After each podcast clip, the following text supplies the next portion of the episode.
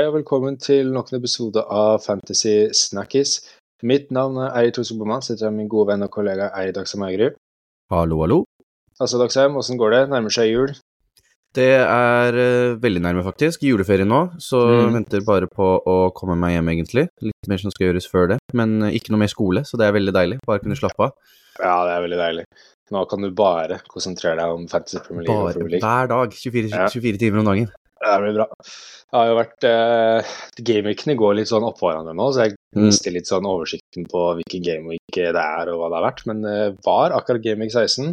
Det skal bli Gameweek 17 nå til helga. Mm. Så har vi det under kontroll. Men vi skal prate litt om uh, Gameweek 16, hvordan det gikk først. Eh, så kan ikke du bare prate litt om eh, hvordan Gameweek eh, 16 var for deg? Jo, jeg kan det fort og gæli. Eh, ganske dårlig runde. Jeg endte med å kjøre en minus åtte, for jeg var såpass misfornøyd med mange spillere. Eh, så jeg endte med å ta ut Areola, Mbuemo og Andersen, eh, og hente inn Bowen, Dubravka og Colwell. Eh, Bowen klarte jeg å få inn igjen ved Dubranka, da, så selv om jeg ikke var så gira på Dubranka, for jeg så det var etter den Everton-kampen, så jeg så at de kunne liksom, at de var litt ute av form, men til den prisen og spillene, så tenkte jeg at det er verdt det, og da kan jeg få inn en Bowen også, og så henta jeg inn en Colwill, da, som vi snakka om i forrige episode. Eh, og det gikk jo ikke så veldig bra denne runden, og som jeg snakket, nevnte nå rett før podkasten, at eh, jeg føl sitter jo litt med følelsen at jeg har investert i, i feil eh, spillere på feil lag. Mm. Eh, på kanskje de som har litt bedre program, men som ikke er i så veldig god form, da. Eh, vi skal jo snakke om hvilke lag som faktisk er i form litt senere, men jeg sitter litt med den følelsen, da. Men eh, det som redder runden min, er jo at eh, jeg har visekaptein på Sala, eh, som da blir kaptein ettersom Haaland ikke, ikke var med, så det redder, eh, redder runden. Jeg ender på 49 poeng, minus 8, da, så rett på average, egentlig, og, og rød pil og utafor eh, topp 1 million igjen, så jeg driver bare jojoer opp og ned under der, Ja. så det er vanskelig å få fotfeste. Det er det som jeg tror mange, mange sitter med nå, at det er mye, det er mye jojo. Du sitter liksom og stumper litt sånn eh, på samme område. Du kommer deg liksom ikke helt, helt ut av den ranken man er i. Jeg tror mange som, som sitter i den båten sånn som deg, det går litt opp og ned. Men Mm. uh, så lenge du hører på podkasten her, så skal den komme oppover. Ja, jeg, Eh, det jeg er- sitter jo her hver uke, jeg, og det går jo ikke så bra, så kan ikke, kan ikke alt eh, Vi kan ikke forutse alt. Det er umulig Nei. å spå framtiden, men eh, likevel. Eh, det viser jo, Den runden her viser jo at det er veldig lurt å, å ha riktig visekaptein. Hvis det er en ting jeg har Mm. lært fra denne runden her, så er visekaptein det er viktig å følge med på det. Du vet hva som skjer. Plutselig så er Haaland ute, og så må du ha god visekaptein. Så det er Mm. lurt å alltid eh, bare sette av et lite, lite fem sekunder til å tenke på hvem du skal ha som visekaptein. Det er i hvert fall det jeg tar ut av runden her. Men jeg hadde en veldig, Mm. god, veldig god runde med 64 poeng og en gamer cramp på 600 000. Jeg er ikke 100% sikker, men jeg lurer på om det er den beste gamer cranken jeg har hatt eh, denne sesongen her. Eh, og klatra opp til 150 000 overall. Og jeg tror det er eh, fem poeng opp til topp 100 000, så det, det nærmer seg nå. Veldig bra. Eh, jeg hadde jeg satt lenge og vurderte hva jeg skulle gjøre, sånn som deg, må ta tre bytter, eller skal jeg Jeg hadde to gratisbytter, skal jeg ta en minus fire og bruke tre bytter og få inn riktige spillere, eller skal jeg bare bruke de to byttene? Men jeg endte opp med å bruke bare to bytter og selge Mboemo og Andersen for Huang og Pedro Porro. Mm. Uh, så det andre Jeg var veldig nærme å selge Mbuemo, Son og Andersen for Bowen, Huang og Trent for minus fire. Så jeg priser meg selv veldig lykkelig for at jeg ikke gjorde det. Ja. Og grunnen for at jeg ikke solgte Son, var egentlig den grunnen for at det, det var jo bare en eh, slagskade han hadde istedenfor noen muskelskade, så da tenker jeg at da, da går det nok fint til søndag. Og Poster Coglo er litt kjent for å bare spille spillere så mye han, så mye han kan. Så da tenkte Mm. jeg at eh, det det er en ganske god sjanse for at Son spiller den kampen, og Newcastle, som jeg sa eh, forrige uke, er jeg dårlig på bortebane, så da valgte jeg heller å gå, gå for eh, Pedro Porro og beholde sånn, da. Og Pedro Porro fikk jo med en gang avkastning eh, med en assist, kjempeassist. Skulle hatt en clinchet også, men den klarte de å fomle bort på slutten av kampen. Men likevel, han får fem poeng, så jeg er fornøyd med det. Sånn stikker av gårde med 17 poeng, kjempebra. Og veldig deilig å sitte på sånn og se at det er mange som sikler etter han, så er det deilig å bare ha han. Mm. Uh, og Salah visecap gjorde susen. Og så syns jeg det er litt artig at det plutselig nå så spilte Turner igjen. eh, og Ja. fikk med seg en trepoenger, så da fikk jeg han inn for Areola. Jeg måtte jo beholde Areola, for jeg hadde egentlig tro på at han skulle spille, men så må han fortsatt ute. Og da er det litt deilig at uh, Turner faktisk spilte og får tre poeng, da. Så jeg får inn en trepoenger på keeperen, så det er ikke så, er ikke så gærent, det. Nei? Men eh, ja, det var en eh, veldig god runde. og deilig å ha gode runder og klatre litt. Ja. Eh, Vi skal prate videre om Game Week 17, og det er jo kjempe, kjempedilemma i fantasy-verdenen, og det er Erling Braut Haaland. Så vi må jo ta praten om han, diskutere skade og potensielle erstattere, om man skal selge han eller beholde han. Den Mm. diskusjonen må vi ta. Og så er det jo, som du sier, det er noen formlag i Premier League nå som vi må prate litt om, og noen lag som er utaform, og noen spillere som er utaform, som vi også skal prate om. Så ganske bra hoveddel, og jeg tenker jeg er rimelig klar for å prate litt. Litt til Haaland og hele pakka. Er du også klar for det? Det vet du, så vi kan hoppe rett inn.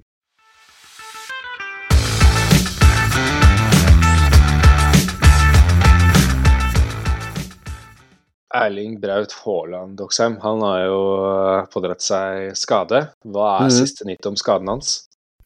Siste nytt er jo egentlig at det er en eh, stresskade i foten, da. Eh, og ikke beinbrudd, som det gikk noen rykter om at det var, som Mm. lover veldig godt med tanke på at eh, du kan komme mye fortere tilbake fra stresskade enn et beinbrudd, for å si det sånn.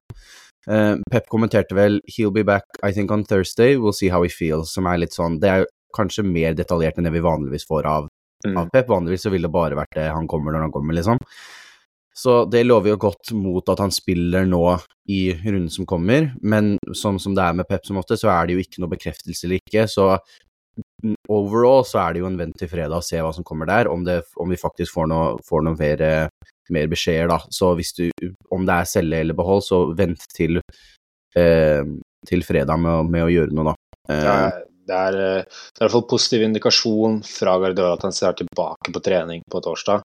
mm, og da Det er jo positivt, men samtidig så er det jo litt vagt, for det er jo ikke noe det er ikke noe bekreftelse på at han er ute eller at han spiller. Det er litt sånn som han Men hvis vi kommer til fredag, da, så ser vi da kommer det ofte litt bilder fra treninger og sånt, så Mm. se om han er der, og så eh, Det er veldig grunnen til at det er Vanligvis ville det vært ok, en, en lett selv, men det er litt sånn Det er så mye, og det er så vanskelig å få han tilbake hvis du først liksom eh, skal selge han, da, med mindre du bare tar han ut, og så og så ikke eh, bare gjøre han om til en annen spiller, og så spiller den og får hente den tilbake, da. Så det er jo litt eh, litt hva planen er, men eh, det blir jo spennende å se, for hvis han er ute, så åpner det ganske mange muligheter, da. Ja, det gjør det. Eh, Det som er litt kjedelig, er at det er deadline på fredag. Og fordi City spiller jo klokka fire på lørdag, som er den første kampen på lørdag, så vi kunne jo fått noen potensielle leaks på lørdag.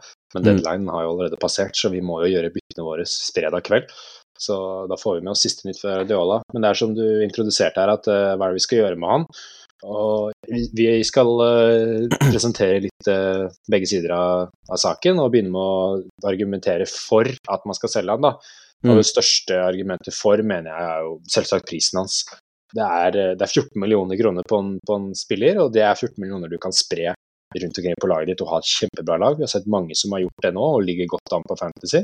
Det er eh, spillere som Son, Salah, Trent, Bowen, Watkins, Saka. Alle du kan mikse inn i et lag hvis du ikke har Haaland. Så det er jo det er jo største argumentet for. Eh, men det som skal sies også, er hvis du skal selge han nå, så må du ha planlagt byttene dine godt for å få tilbake Haaland i Gameweek, eh, Gameweek 19. Så man kan ikke bare selge og så begynne å spre midlene sine rundt, og så sitter man der på Gameweek 19 og så er man sånn Oi, shit, hvordan skal jeg få tilbake Haaland nå? Nå har jeg jo spredd den rundt omkring. Eh, Et annet argument også er jo at City blanker jo i Gameweek 18. Nå kommer jo Mm. Gameweek 19, da skal de spille hjemme mot Palace. Og så blanker de Gameweek 18, for da skal de spille klubb-VM.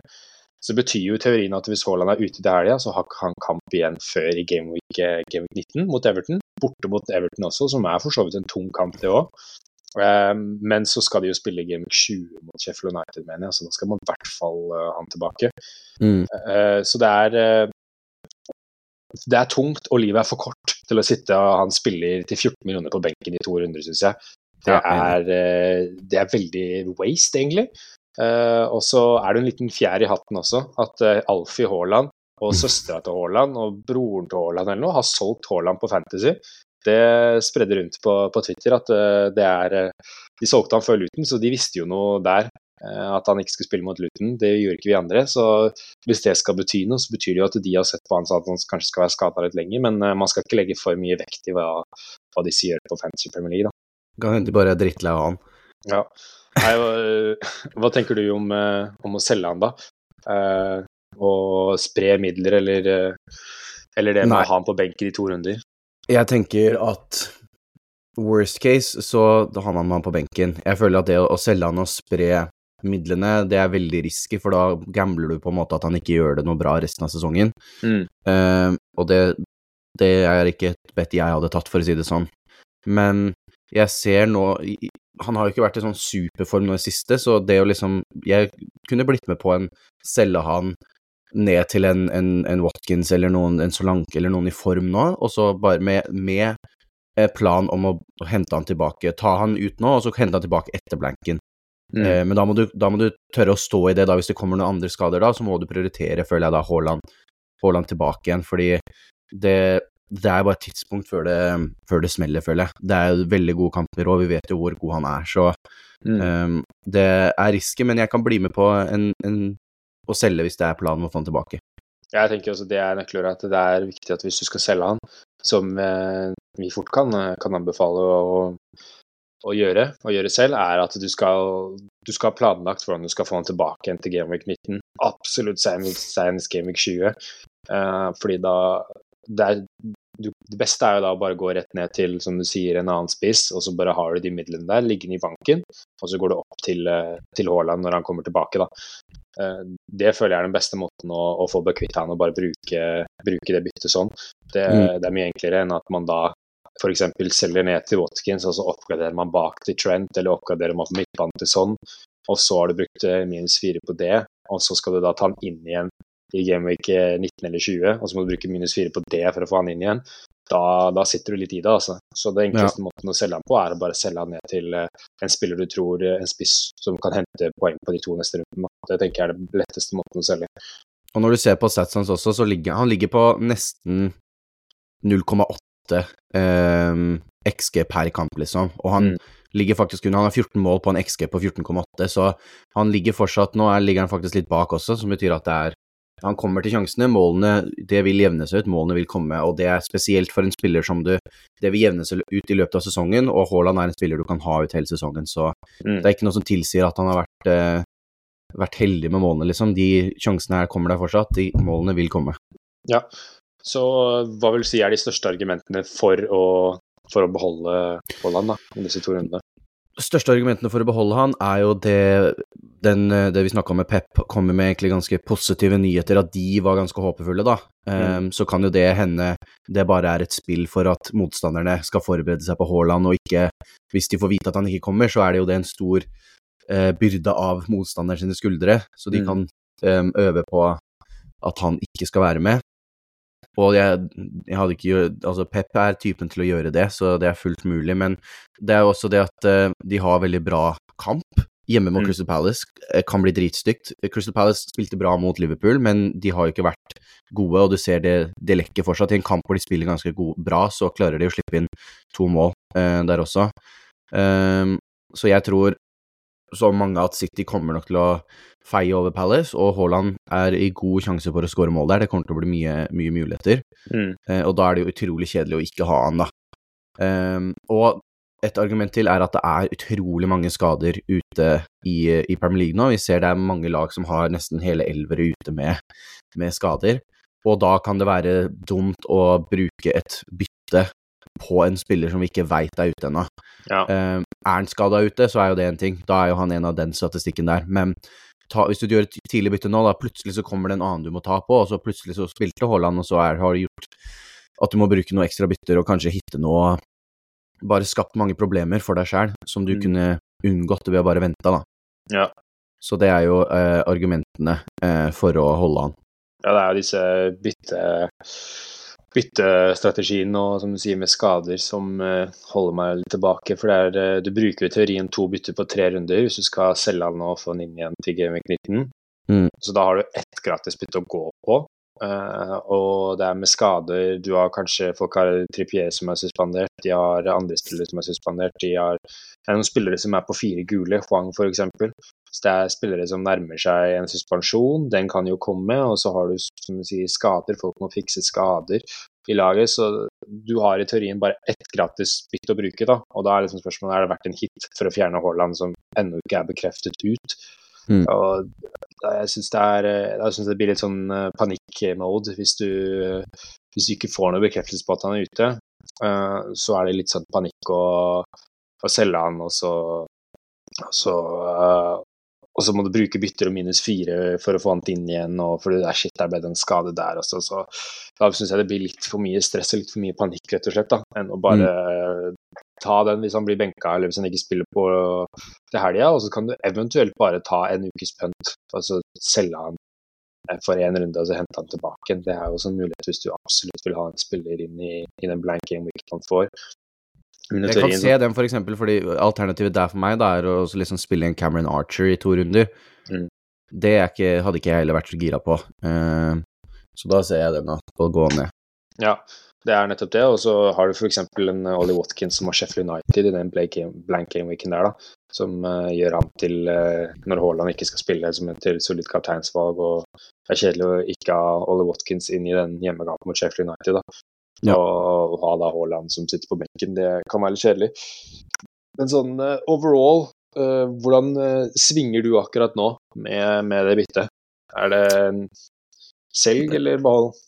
Mm, nei, akkurat nå for meg så er det nok behold, for jeg har litt andre ting som jeg kanskje heller skulle gjort først, som har vært min uh, greie hele sesongen, egentlig. Det er alltid noen hull som skal tettes, mm. og, og, sånn. Men uh, en Watkins frister jo veldig, da, så jeg, det kan fort hende, hvis jeg ikke ser noen bedre muligheter på de andre, uh, andre problemene, at jeg prøver å heller gå for en, å få en opptur med å hente inn litt poeng på en, på en Watkins, da, og heller kjøre den. Uh, men akkurat nå er jeg nok på en behold, uh, så får ja. vi se hva fredag bringer. Jeg er ganske enig. Egentlig akkurat nå så holder jeg på behold. Det minner meg litt om sånn Watkins før de skal spille mot Bournemouth, så var alle sånn og det er nok ikke med. Ble selga for Darwin Nunes. Eh, og så spilte han, da, for det var ikke noe bekreftelse på at han var ute, det var bare litt sånn rykta. Så mm. spiller han, så får han 11 poeng. Sånn nå også. Um, han er kanskje ikke med, men du får ikke noe bekreftelse. Spiller, får 17 poeng. Så det er, eh, det er litt kjedelig å selge spillere som potensielt er ute, når det siste du får er egentlig positive indikasjoner. Ja. Så er det litt kjedelig å gamble på at han ikke spiller når den spilleren er såpass, uh, såpass god da, og du veit kan hente mye. Nå har riktignok Palace et ganske godt tak på City og spiller alltid bra mot Manchester City, men nå har det mye spillere ut.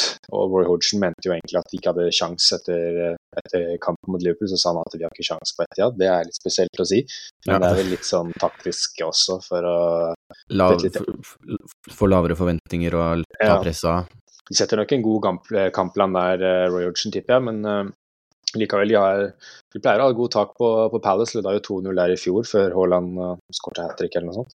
Mm. Så ja, det er uh, Det eneste lenge, er den at uh, familien hans har solgt ham ja, i den familien. Det, det synes, men jeg, jeg, jeg, ser, er det et eller annet Er det sånn der strategi de har gått med også, liksom? At det, for å liksom fucke med jeg, jeg, vet liksom ikke, men uh, Det kan at de ikke er de mest profilerte fantasy-spillerne også, så de bare nei, bytter. Det tror jeg ikke. De bare slenger bytter rundt omkring, og så tenker de ikke langsiktig i det hele tatt. Så de bare sånn Å ja, eh, Erling, du skal ikke spille til helga, da selger jeg deg. Og så ja. kommer de nå og så kjøper de tilbake, liksom. Det er, eh, det er ikke sikkert de er de som planlegger bytter så langt, da, tenker nei, jeg. Nei, det er sant. Men, men ja, det er eh, Jeg tenker så lenge vi ikke får noen indikasjon på fredag at han er ute, så tenker jeg beholde. Ja. For da er det så stor risk. Den risken er større enn potensielle gain, da. Mm. Den gameweeken. Men uh, hvis vi skulle ha solgt han, da, uh, hvem er de beste erstatterne, syns du, for å, for å, ta en uh, på spiss, da? En sånn spisspunt mens han er borte? Ja, det er jo Ollie Watkins som vi har snakka om, som kanskje mm. spiller på det beste formlaget i, i ligaen nå. Utrolig hva Emery har fått til der. Og, mm. og, de har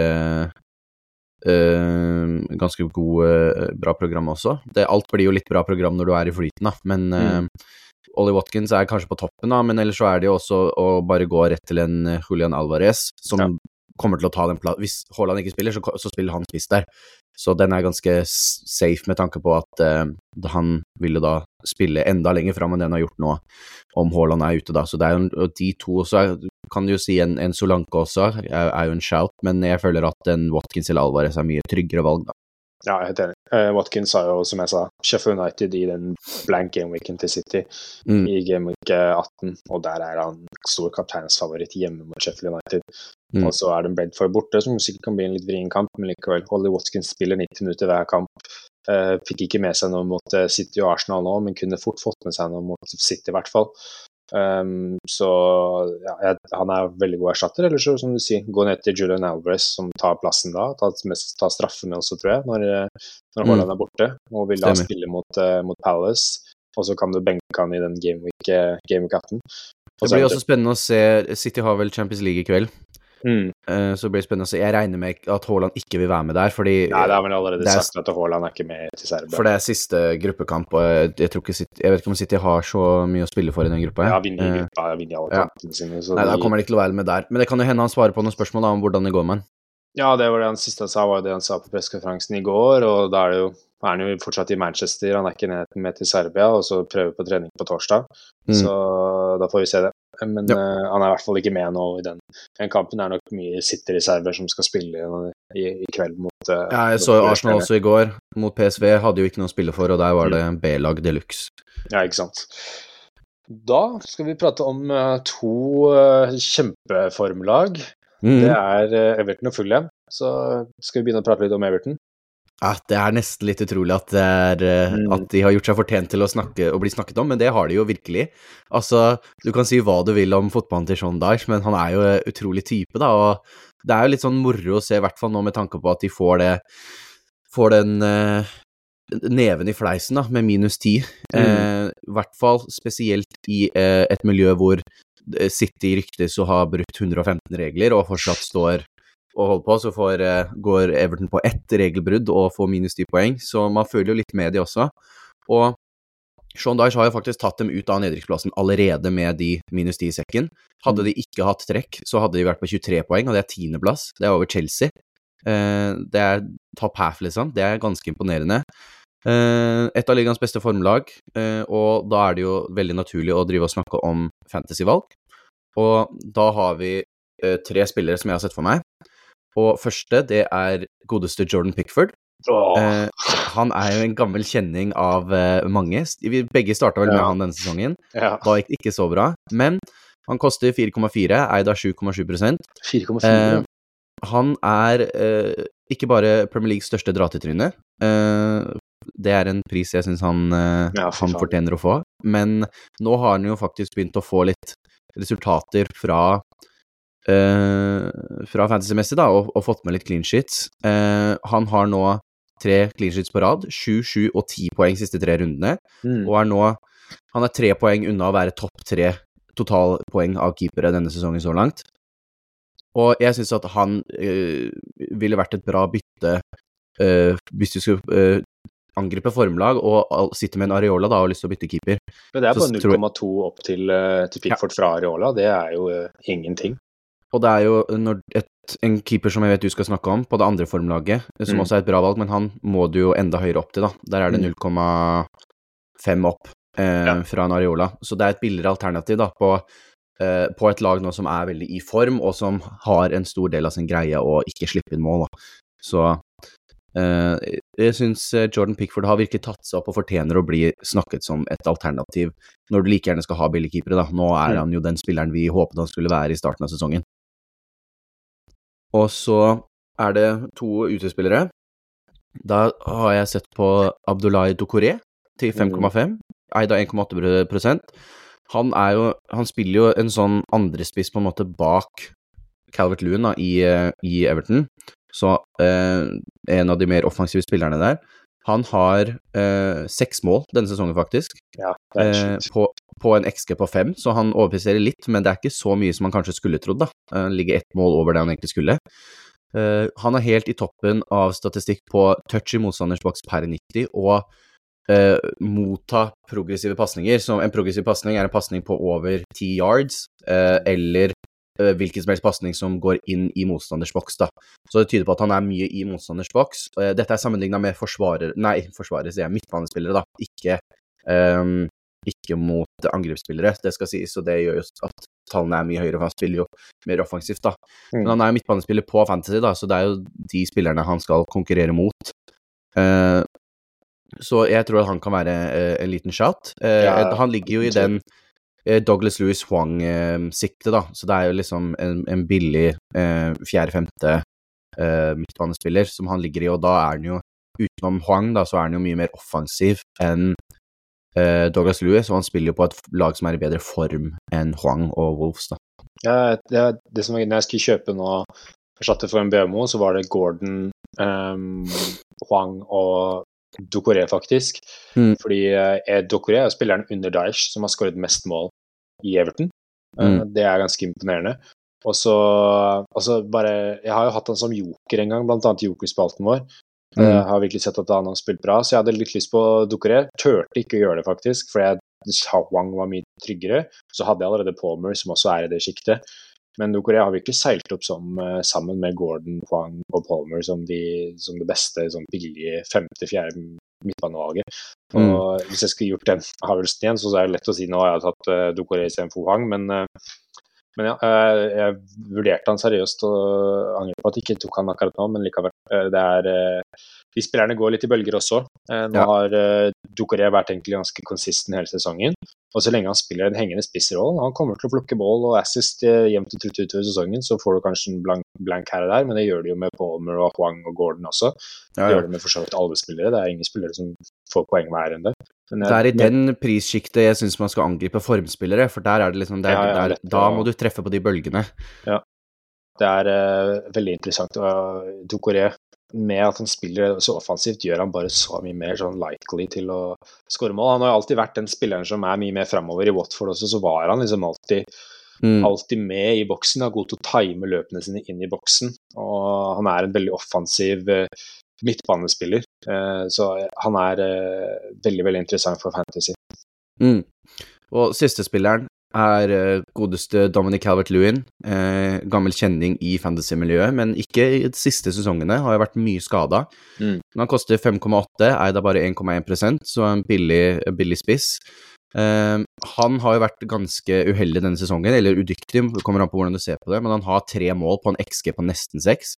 Han skulle ha dobbelt så mange mål, og hvis du så den sjansen han bomma nå sist mot, Mot eh, Newcastle. mot Newcastle, så skjønner du hvorfor han har Fordi den var det nesten Den må nesten ha vært over 1 XG på. Det er helt åpent mål. Men det betyr jo at når XG-en er der, så betyr det at han kommer til sjansene, og det vil jo statistisk sett eh, jevne seg ut, så det, skal, det tyder jo på at målene vil komme. Um, så det er jo en litt sånn en sovende kjempe, på en måte. Han hadde, uh, Mot Newcastle så hadde han XG på 1,58, og da skåret han Mm. ikke. Det er Mm. ganske sjukt. Og det, så det er jo han, Da kommer det Er det fordi han er uheldig, eller er han udyktig, da? Det er jo det du tar på. Men statistisk sett så vil XG-en jevne seg ut over sesongen, og det, vil, det betyr at det vil komme mål. Um, så han ligger jo Han er jo enda billigere enn eksempel en, en Solanke og sånn, så det er jo litt det sjiktet han ligger i.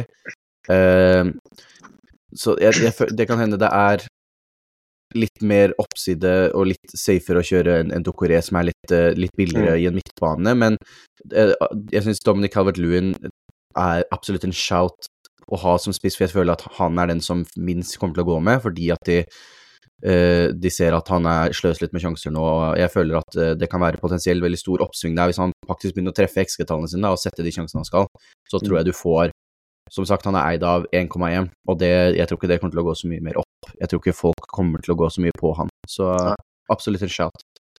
Også i, eh, i Everton da, så er det en spiller jeg så skulle gjerne ha nevnt eh, som en god erstatter for mange av disse forsvarsspillerne som ikke leverer. Det er Mikolenko.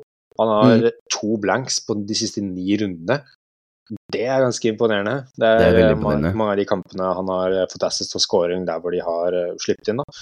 Så Mikolenko, venstrebacken til Everton, absolutt igjen til Mambo. Han er 4,5 og eierandel på 6,5 så relativt høy eierandel.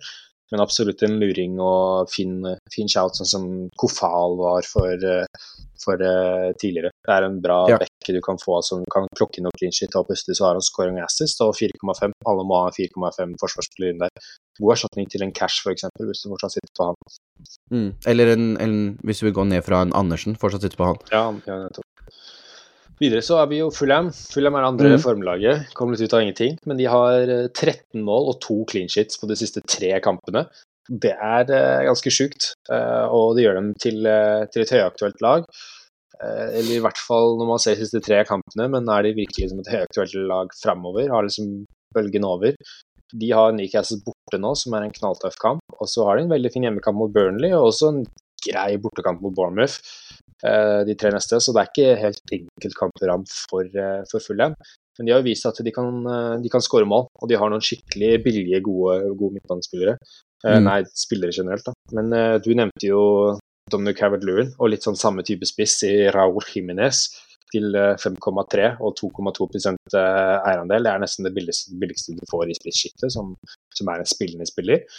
Han har veldig veldig fin uh, tredjespissalternativ og har jo begynt å skåre mål igjen etter den uh, fæle hodeskaden sin.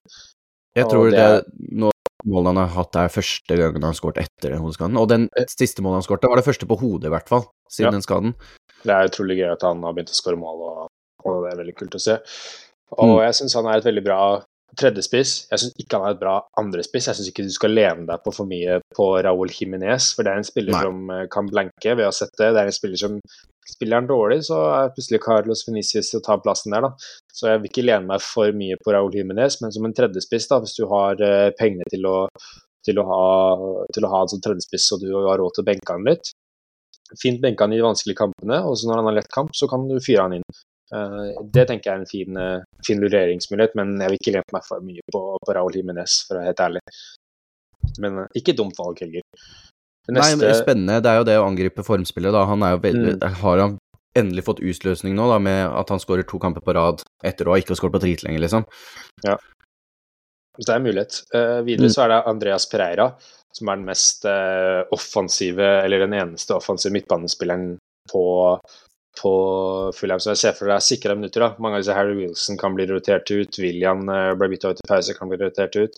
Jeg føler Andreas Pereira er den eneste av midtbanespilleren som du er sikra at han kommer til å spille. da. Mm. Og han er også 5,3, så i samme sjikte med Tokore, Palmer, Wang, de gutta der, da. Og har en eierandel på 0,9% så det er skikkelig joker. Uh, og ja, det er uh, Jeg tenker litt sånn Vil du virkelig ha Andreas Pereira framfor Wang, Dokore og Palmer? Jeg veit ikke. Men uh, for å nevne disse spillerne, så skal jeg jo nevne han, da. Det er jo en skikkelig punt, men hvis du skal være, spille safe, så velger jeg ikke Andreas Pereira. Hvis du vil gamble litt, så er det kult å velge Andreas Pereira. Men akkurat nå, med at jeg har Newcastle borte, så, så, tror jeg jeg ville holdt meg litt unna når du har Han Kwang og Paul og Gordon og går i det sjiktet. Da, da ville jeg holdt meg litt unna. Men ja, statsa hans er ikke veldig, veldig gode heller. Han har ett mål og fire assist. Han har fire assist på en Ja, nei, det var faktisk tre og en halv expected uh, assist der jeg så på, på Han hadde jo hat trick assist mot uh, Nottingham Forest. Ja, og da det, kommer tre av de der, liksom, så mm. Ikke de beste tallene. Født i Belgia, så er det faktisk interessant. ja, han er uh, Han tar dødballer, det er det som ganger mm. han, og at han er sikra minutter, så derfor så blir han det beste offens offensive midtbanevalget, da. Ja. Uh, og så Den som jeg syns er det beste valget på Fulham, det er jo Bernt Leno i mål, til 4,7 mm. og eierandel på 15,3 han plukker poeng hele tiden. Uansett hvem vi spiller mot, så vil han alltid være god mulighet for å plukke poeng. Og ja, han er veldig veldig fristende å få inn for en Areola, f.eks. Og Det er et veldig sånn trygt og godt valg som du bare kan ha ut sesongen, og du vet det er en spiller som kommer til å få clean sheets i tid til annen, og så er det en spiller som kommer til å få mye redninger når de spiller mot gode lag. Bort mot Newcastle nå, så får han plutselig fire-fem redninger, seks redninger, ikke sant. Og så mm. er Newcastle er jo ikke i form, og Fulham er i kjempeform, så hvis du drar Fulham opp der, da, så drar de med seg et resultat, og så får Bernt Leno en tipoenger, liksom. Så det er, en, det er, det beste valget fra Fulham, er, er Bernt Leno. Mm. Enig. Ja. Uh, hadde du noen uh, spillere til som du hadde på blokka nå inn i Gameweek 17? Ja, uh, jeg har en spiller som jeg også bare føler fortjener å bli snakket om. I litt samme spissjikte som de vi har snakket om nå, Himinez Calvert-Lewin, og det er Matheus Cunha ja. fra eh, Wolverhampton. 5,7 eh, eid av 5,5% som var mye mer enn det jeg trodde han hadde, egentlig. Uh, og jeg vil bare ha med han fordi at han er jo egentlig en spiller som har vært mest kjent for å være dritgod fram til han skal uh, skyte på mål. Litt ja. sånn som Adama Traoré var i sin tid. Uh, men nå har han jo begynt å, å score litt nå. han har nå tre mål og to assist på de siste fem kampene. Og jeg syns det gjør at han bør være med i den samtalen da, om den eh, tredje andrespissen, Dominic Calvin Jimenez Solanke-shouten. Eh, at det kan være litt morsom, eh, morsom punt å, å, gå for der. Eh, ja. For når du da begynner å når du er, Han er jo ganske god. Jeg har blitt veldig imponert av å se han spille, men det var det sluttproduktet da, som aldri var der. Og når det da kommer, så fortjener det å bli snakket om. Ja, er, eh, da har vi Mathias Cunha, Dominic Cavallern og Raúl Jiménez som billigspisser. Og så har du Watkins som dyrspiss. Det mm. er mm. uh, også Alvarez, uh, Solanke som mitt midtsjiktespiss. Uh, da, mm. da har du mye å velge mellom, for å si det sånn. Ja.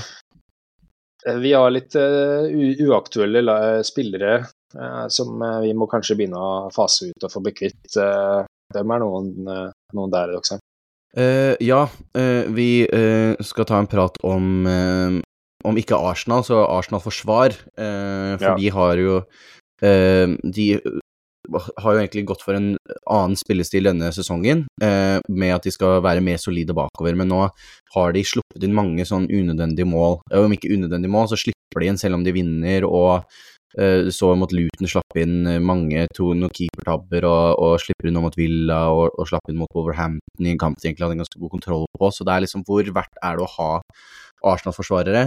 Og jeg ville egentlig bare sagt Jeg ville holdt meg unna Arsenal-forsvarere, og det har jeg gjort denne sesongen. Litt fordi at uh, jeg er Arsenal-fan, og det er veldig irriterende å sitte og se på uh, Arsenal spille når du har de på Fantasy. Um. Men også fordi at jeg veit at, at, plutselig så, så, skjer det her. Ja, de har vært mer solide denne sesongen, men nå er de inne i en sånn periode hvor det virker som om de måla bare kommer. Um, jeg sliter litt uh, å få satt sjansen offensivt, og det går litt sånn det, det, kommer sånn som det målet til McGinn mot, uh, mot, Villa. Det kommer tidlig, før du nesten får surra deg sammen. Så har de liksom De har uh, fem dårlige minutter i starten, og så slipper de inn et mål på det. Og, og, de, og det kom, de, fem dårlige minuttene kommer nesten i hver kamp, eh, og da blir det liksom et mål ut fra det. Så det er, det er, ikke sånn hast, få de ut, få de ut, men jeg ville begynt å fase ut Arsenal-forsvarere, egentlig, og så sette, sette andre steder. For det virker som de er inne i sånn slippe inn unødvendig mål-fase eh, av sesongen. Så da er det, kan det være greit å bli finne formforsvarere andre steder. Ja, altså nå har jo de Brighton hjemme, eh, og så har de Liverpool borte. Så det er to eh, I hvert fall den Liverpool-kampen borte er jo, er jo toppkamp, så den er jo tøff. Brighton mm. hjemme Brighton er ikke det samme laget sånn som når de dro dit og slo dem 3-0. Men Arsenal, Arsenal, sliter alltid mot Brighton. ja, det blir til De Serbi fantastisk trener, så han kommer nok til å sette en god kampplan der. Så det er ikke noe walk in the park i det hele tatt. Det blir en tøff hjemkamp. Så, og så etter der har jo egentlig Arsenal en veldig fin rekke.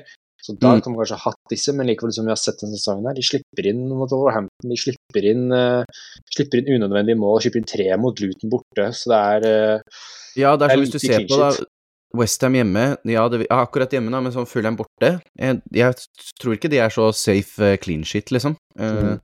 Og det er det som, som er litt greia, da. Uh, spilte Gabriel, for eksempel, spilte 90 i går mot PSV. Og mm. Saliba fikk uh, hvile etter 60, da. Ben White fikk spille siste halvtimen. Det er jo de tre som uh, Og Zinchenko spilte jo ikke nå. Uh, så, er, så, de har blitt fått hvile litt, men likevel det er hvis du har luksus at du kan bruke et bytte på å selge, hvis du har Saliba, hvis du har Gabriel Sazinchenko, hvis du har muligheten til å selge de uten å liksom ta noen hits, så er det bare å gjøre det, tenker jeg. Ja. Uh, hvis du må hitte for å få de ut, så tenker jeg da kanskje jeg du har noen kan spille istedenfor uh, eh, kanskje benke de, i hvert fall mot Liverpool. benke de, du kan Mot Brighton du kan spille de og håpe at uh, de holder clean shit. For jeg, jeg ser for meg at Arsenal kan vinne den kampen 2-3-0. Uh, mm. Det er ikke noe Eller 1-0. Det er ikke helt uhørt, det, men likevel hvis du skulle spilt på oddsen, så hadde du spilt at Brighton skårer. Mm. Uh, så, men likevel, det er ikke krise å spille de i den kampen der. Men uh, har du muligheten, så vil jeg fasa ut uh, eller solgt noen av de forsvarsspillerne akkurat nå, da, eller få komme på disse som er i form, da. Mm. Nei, så, det er jeg enig i. Ja. De er jo, Arsenal har vært dyktige i det siste, men de er litt uheldige, da. Men det, det Fantasy bryr ikke, ikke om det. Om, mm. om du spiller god, bra i åtte minutter, og så slipper du et mål, så er det fortsatt en clean shit borte, liksom. Det er det ja. som er greia. Skjønt det har vært litt skade på Martinelli og Saka, så Saka var med i troppen i går, så den er vel kanskje allerede feia ut, så det er ikke noe vits Ja, eh, Saka kan jeg bare si med en gang, det Saka er klink på hold for meg, men ja. akkurat Martinelli, eh, der har det vært noe, noe, sykdom. Han var ikke med til Nederland i går på grunn av mm. det, og det er forventa at han er ute til helga. Um, Pluss, bare på sånn generelt, så, så har Martinelli slitt med å holde oppe nivået han hadde Mm. eh, fra i fjor. Uh, han har jo dessverre fått lide en del av det problemet Arsenal har hatt, og ikke klart, klart å finne beste spilleren i den venstre åtterrollen. Det har ikke fungert like bra på venstresiden. De har prøvd mange i den rollen. Eh, Havertz, Trossard, Vieira. Mm. De har liksom ikke klart å finne helt den Sjaka-spilleren sin, da. Uh, så venstresiden har fått lidd under det, og derav Martinelli. Og jeg så også Saka var ute i Jeg mener det var Saka som sa i et intervju for et par uker siden at både han og Martinelli kjenner på at veldig mange lag tar mye mer hensyn til begge to nå. Doble, ofte dobler opp på de, gjør arbeidsvilkårene vanskeligere for det, da. Og, og kombinert det med at Arsenal ikke har helt funnet det beste på venstre midtbanen, så har Martinelli fått slite av det og er ikke like farlig som han var, var sist. da. Fortsatt en, en veldig ut, god fotballspiller, men fantasymessig så tror jeg at han må eh, kanskje fases ut. Og det er i hvert fall med tanke hvert fall med tanke på nå er han mest sannsynlig ute til, til helga, og jeg tror det er eh, Jeg har prøvd meg på han nå i to forskjellige perioder og fått OK ut av det, men han er på lista mi for å fases ut. Jeg har lyst til det til den der sendingen jeg hadde aleine, Mm, og da var det veldig mange blanks på rad. Nå fikk han en scoring mot Luton, men mm. to blanks også, så det er eh, Tallene sier også han har eh, lav XG, lav expected assist. Det er en spiller eh, som er et klassisk eksempel at hvis du tviholder på han, så tviholder du på han for, for liksom laget og, og navnet framfor en spiller som faktisk er i form, da.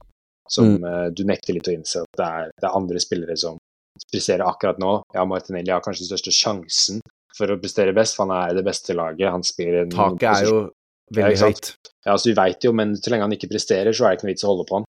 Uh, Nei, men det eneste er jeg, jeg tror ikke dette kommer til å skje, men om Arsenal skulle gå ut og, og kjøpe en, en og få inn en skikkelig god uh, venstreåtter venstre åtter i januar nå, så tror jeg det kan løse mye av problemene til Martinelli. Men jeg tror ikke de kommer til å gå ut og bruke mye penger nå. Uh, hvis de bruker noe penger nå, så tror jeg det kommer til å være på Ivan Tony, er ryktene jeg har sett. Ja, det er vel spiss spiss. eventuelt- de mangler en ordentlig målskårer. Altså, Ja, jeg har sett de også er på, på han Victor um, Gyökis, eller hva han heter, han som var i Coventry, som er i Sporting nå. Ja. Men eh, så jeg, jeg tror Nei, Martinelli dessverre eh, eh, er en selv for meg. Ja. Et lag som er i dårlig form, og vi lurer på hva som skjer med Newcastle.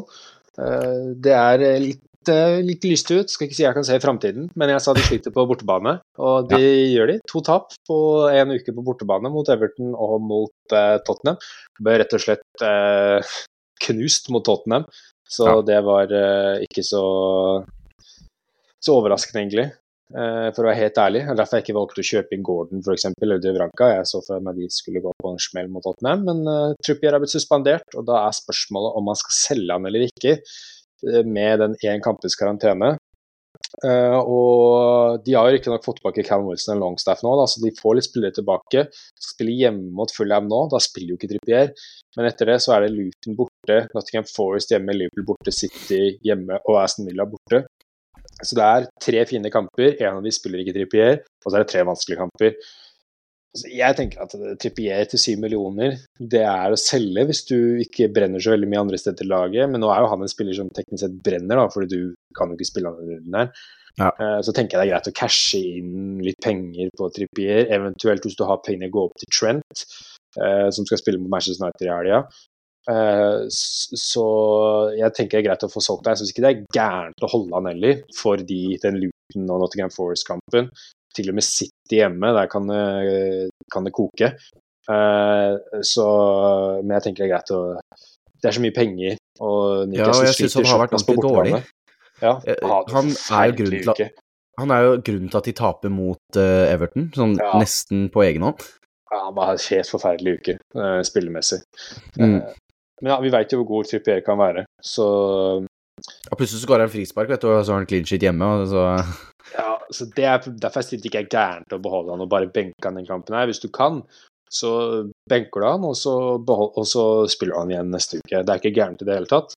Eh, Han er en sånn Jeg har blitt veldig denne sesongen her opptatt av å ha gode, solide spillere som du veit kommer til å prestere Uh, uten at det være for naiv at du holder dem for lenge, da, men sånn som Watkins, selv om han blanker to game kamper på rad nå, så er det mot Arsenal og det er mot City. Og han spilte mm. godt, så han er der. ikke sant? Han kommer til å skåre, så behold han. Sånn også, sånne spillere som du vet at de kommer til å prestere bra. Eh, det er ikke så mye sånn tilfeldigheter når de presterer, og det er litt sånn trippier også. at Det er, sånn, det er greit å bare beholde han eh, og, og, spille han, for du vet at han kommer til å få gode poengsummer. Og når, når vi teller opp poengsummen på slutten av sesongen, så kommer Trippier til å være på toppen av forsvarsspillere. Eh, og da er det greit å bare beholde han. Mm. Men likevel, kortsiktig plan, så kan jeg anbefale å selge. Enig.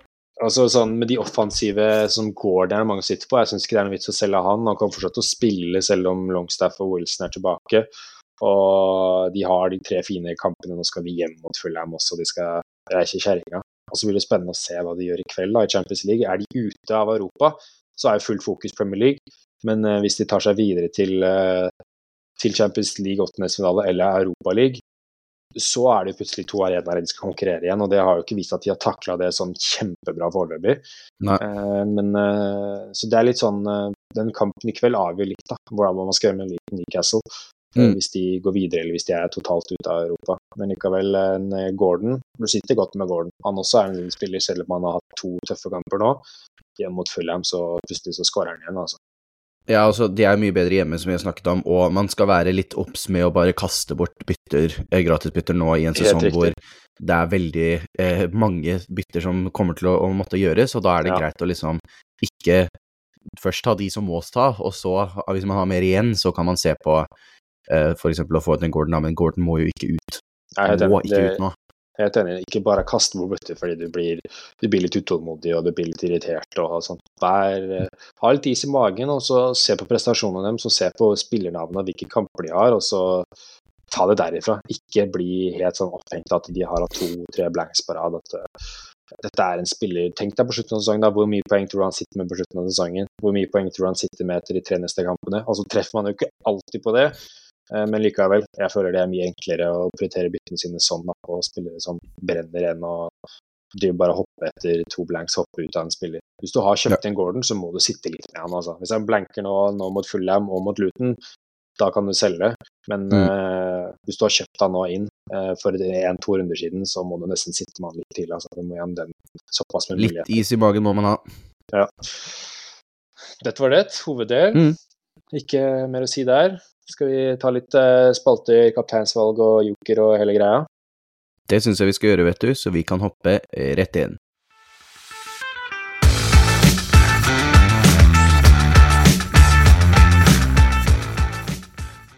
Og da er vi inne i siste del av podkasten, nemlig våre faste spalter, og vi starter som alltid med Captain my captain, og da lurer jeg på, Boman, hvem er det du har tenkt å ha kapteinspinnet på til runden som kommer? Det er uh, veldig åpen debatt hvis, uh, hvis Haaland er ute nå. Uh, så det blir spennende å se der. Hvis Haaland spiller, så capper jeg han. Ja. Så det kommer litt an på og hvis, Det er veldig avhengig av hva han sier på fredag. Altså, men hvis han spiller, og jeg har gode indikasjoner på at han spiller, så har jeg lyst til å putte bindet på han. Problemet er hvis jeg skal beholde han, og det er fortsatt usikkert, så tror jeg kanskje jeg skal sette bindet på noen andre. Mm. Men den andre jeg har lyst til å spille putte bindet på, er jo Mohammed Salah hjemme mot Manchester United. Eh, Salah har jo ti mål og fire assists på elleve kamper mot ManU i Premier League. Det mm. er mm. favorittmotstanderen hans, tror jeg, med City, mener jeg.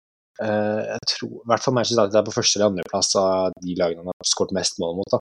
Han elsker å spille mot Manchester United, så det er veldig lett å putte, putte bindet på han den runden her hjemmebane. ManU fikk jo Maguire og Shaw ute med skade nå i går mot Bayern München, så der skal John Evans og Fambisaka og Dalot og Lindeløf spille. Så det er, kan, kan eh, renne inn mål der. Ja, det lukter mm -hmm. mål. Og så er det litt irriterende med folk som eh, driver og melder at det skal bli walk in the park for Liverpool. For det blir aldri walk in the park med Manchester United, og de skal nok sette opp en god plan, uh, ManU, så det er nok ikke så rett fram som noen folk vil ha det til. Men likevel, jeg tror, jeg tror Håvard Sala har god mulighet der. Jeg har følelsen på at det blir enten sånn 2-1 til United eller 5-0 til Liverpool.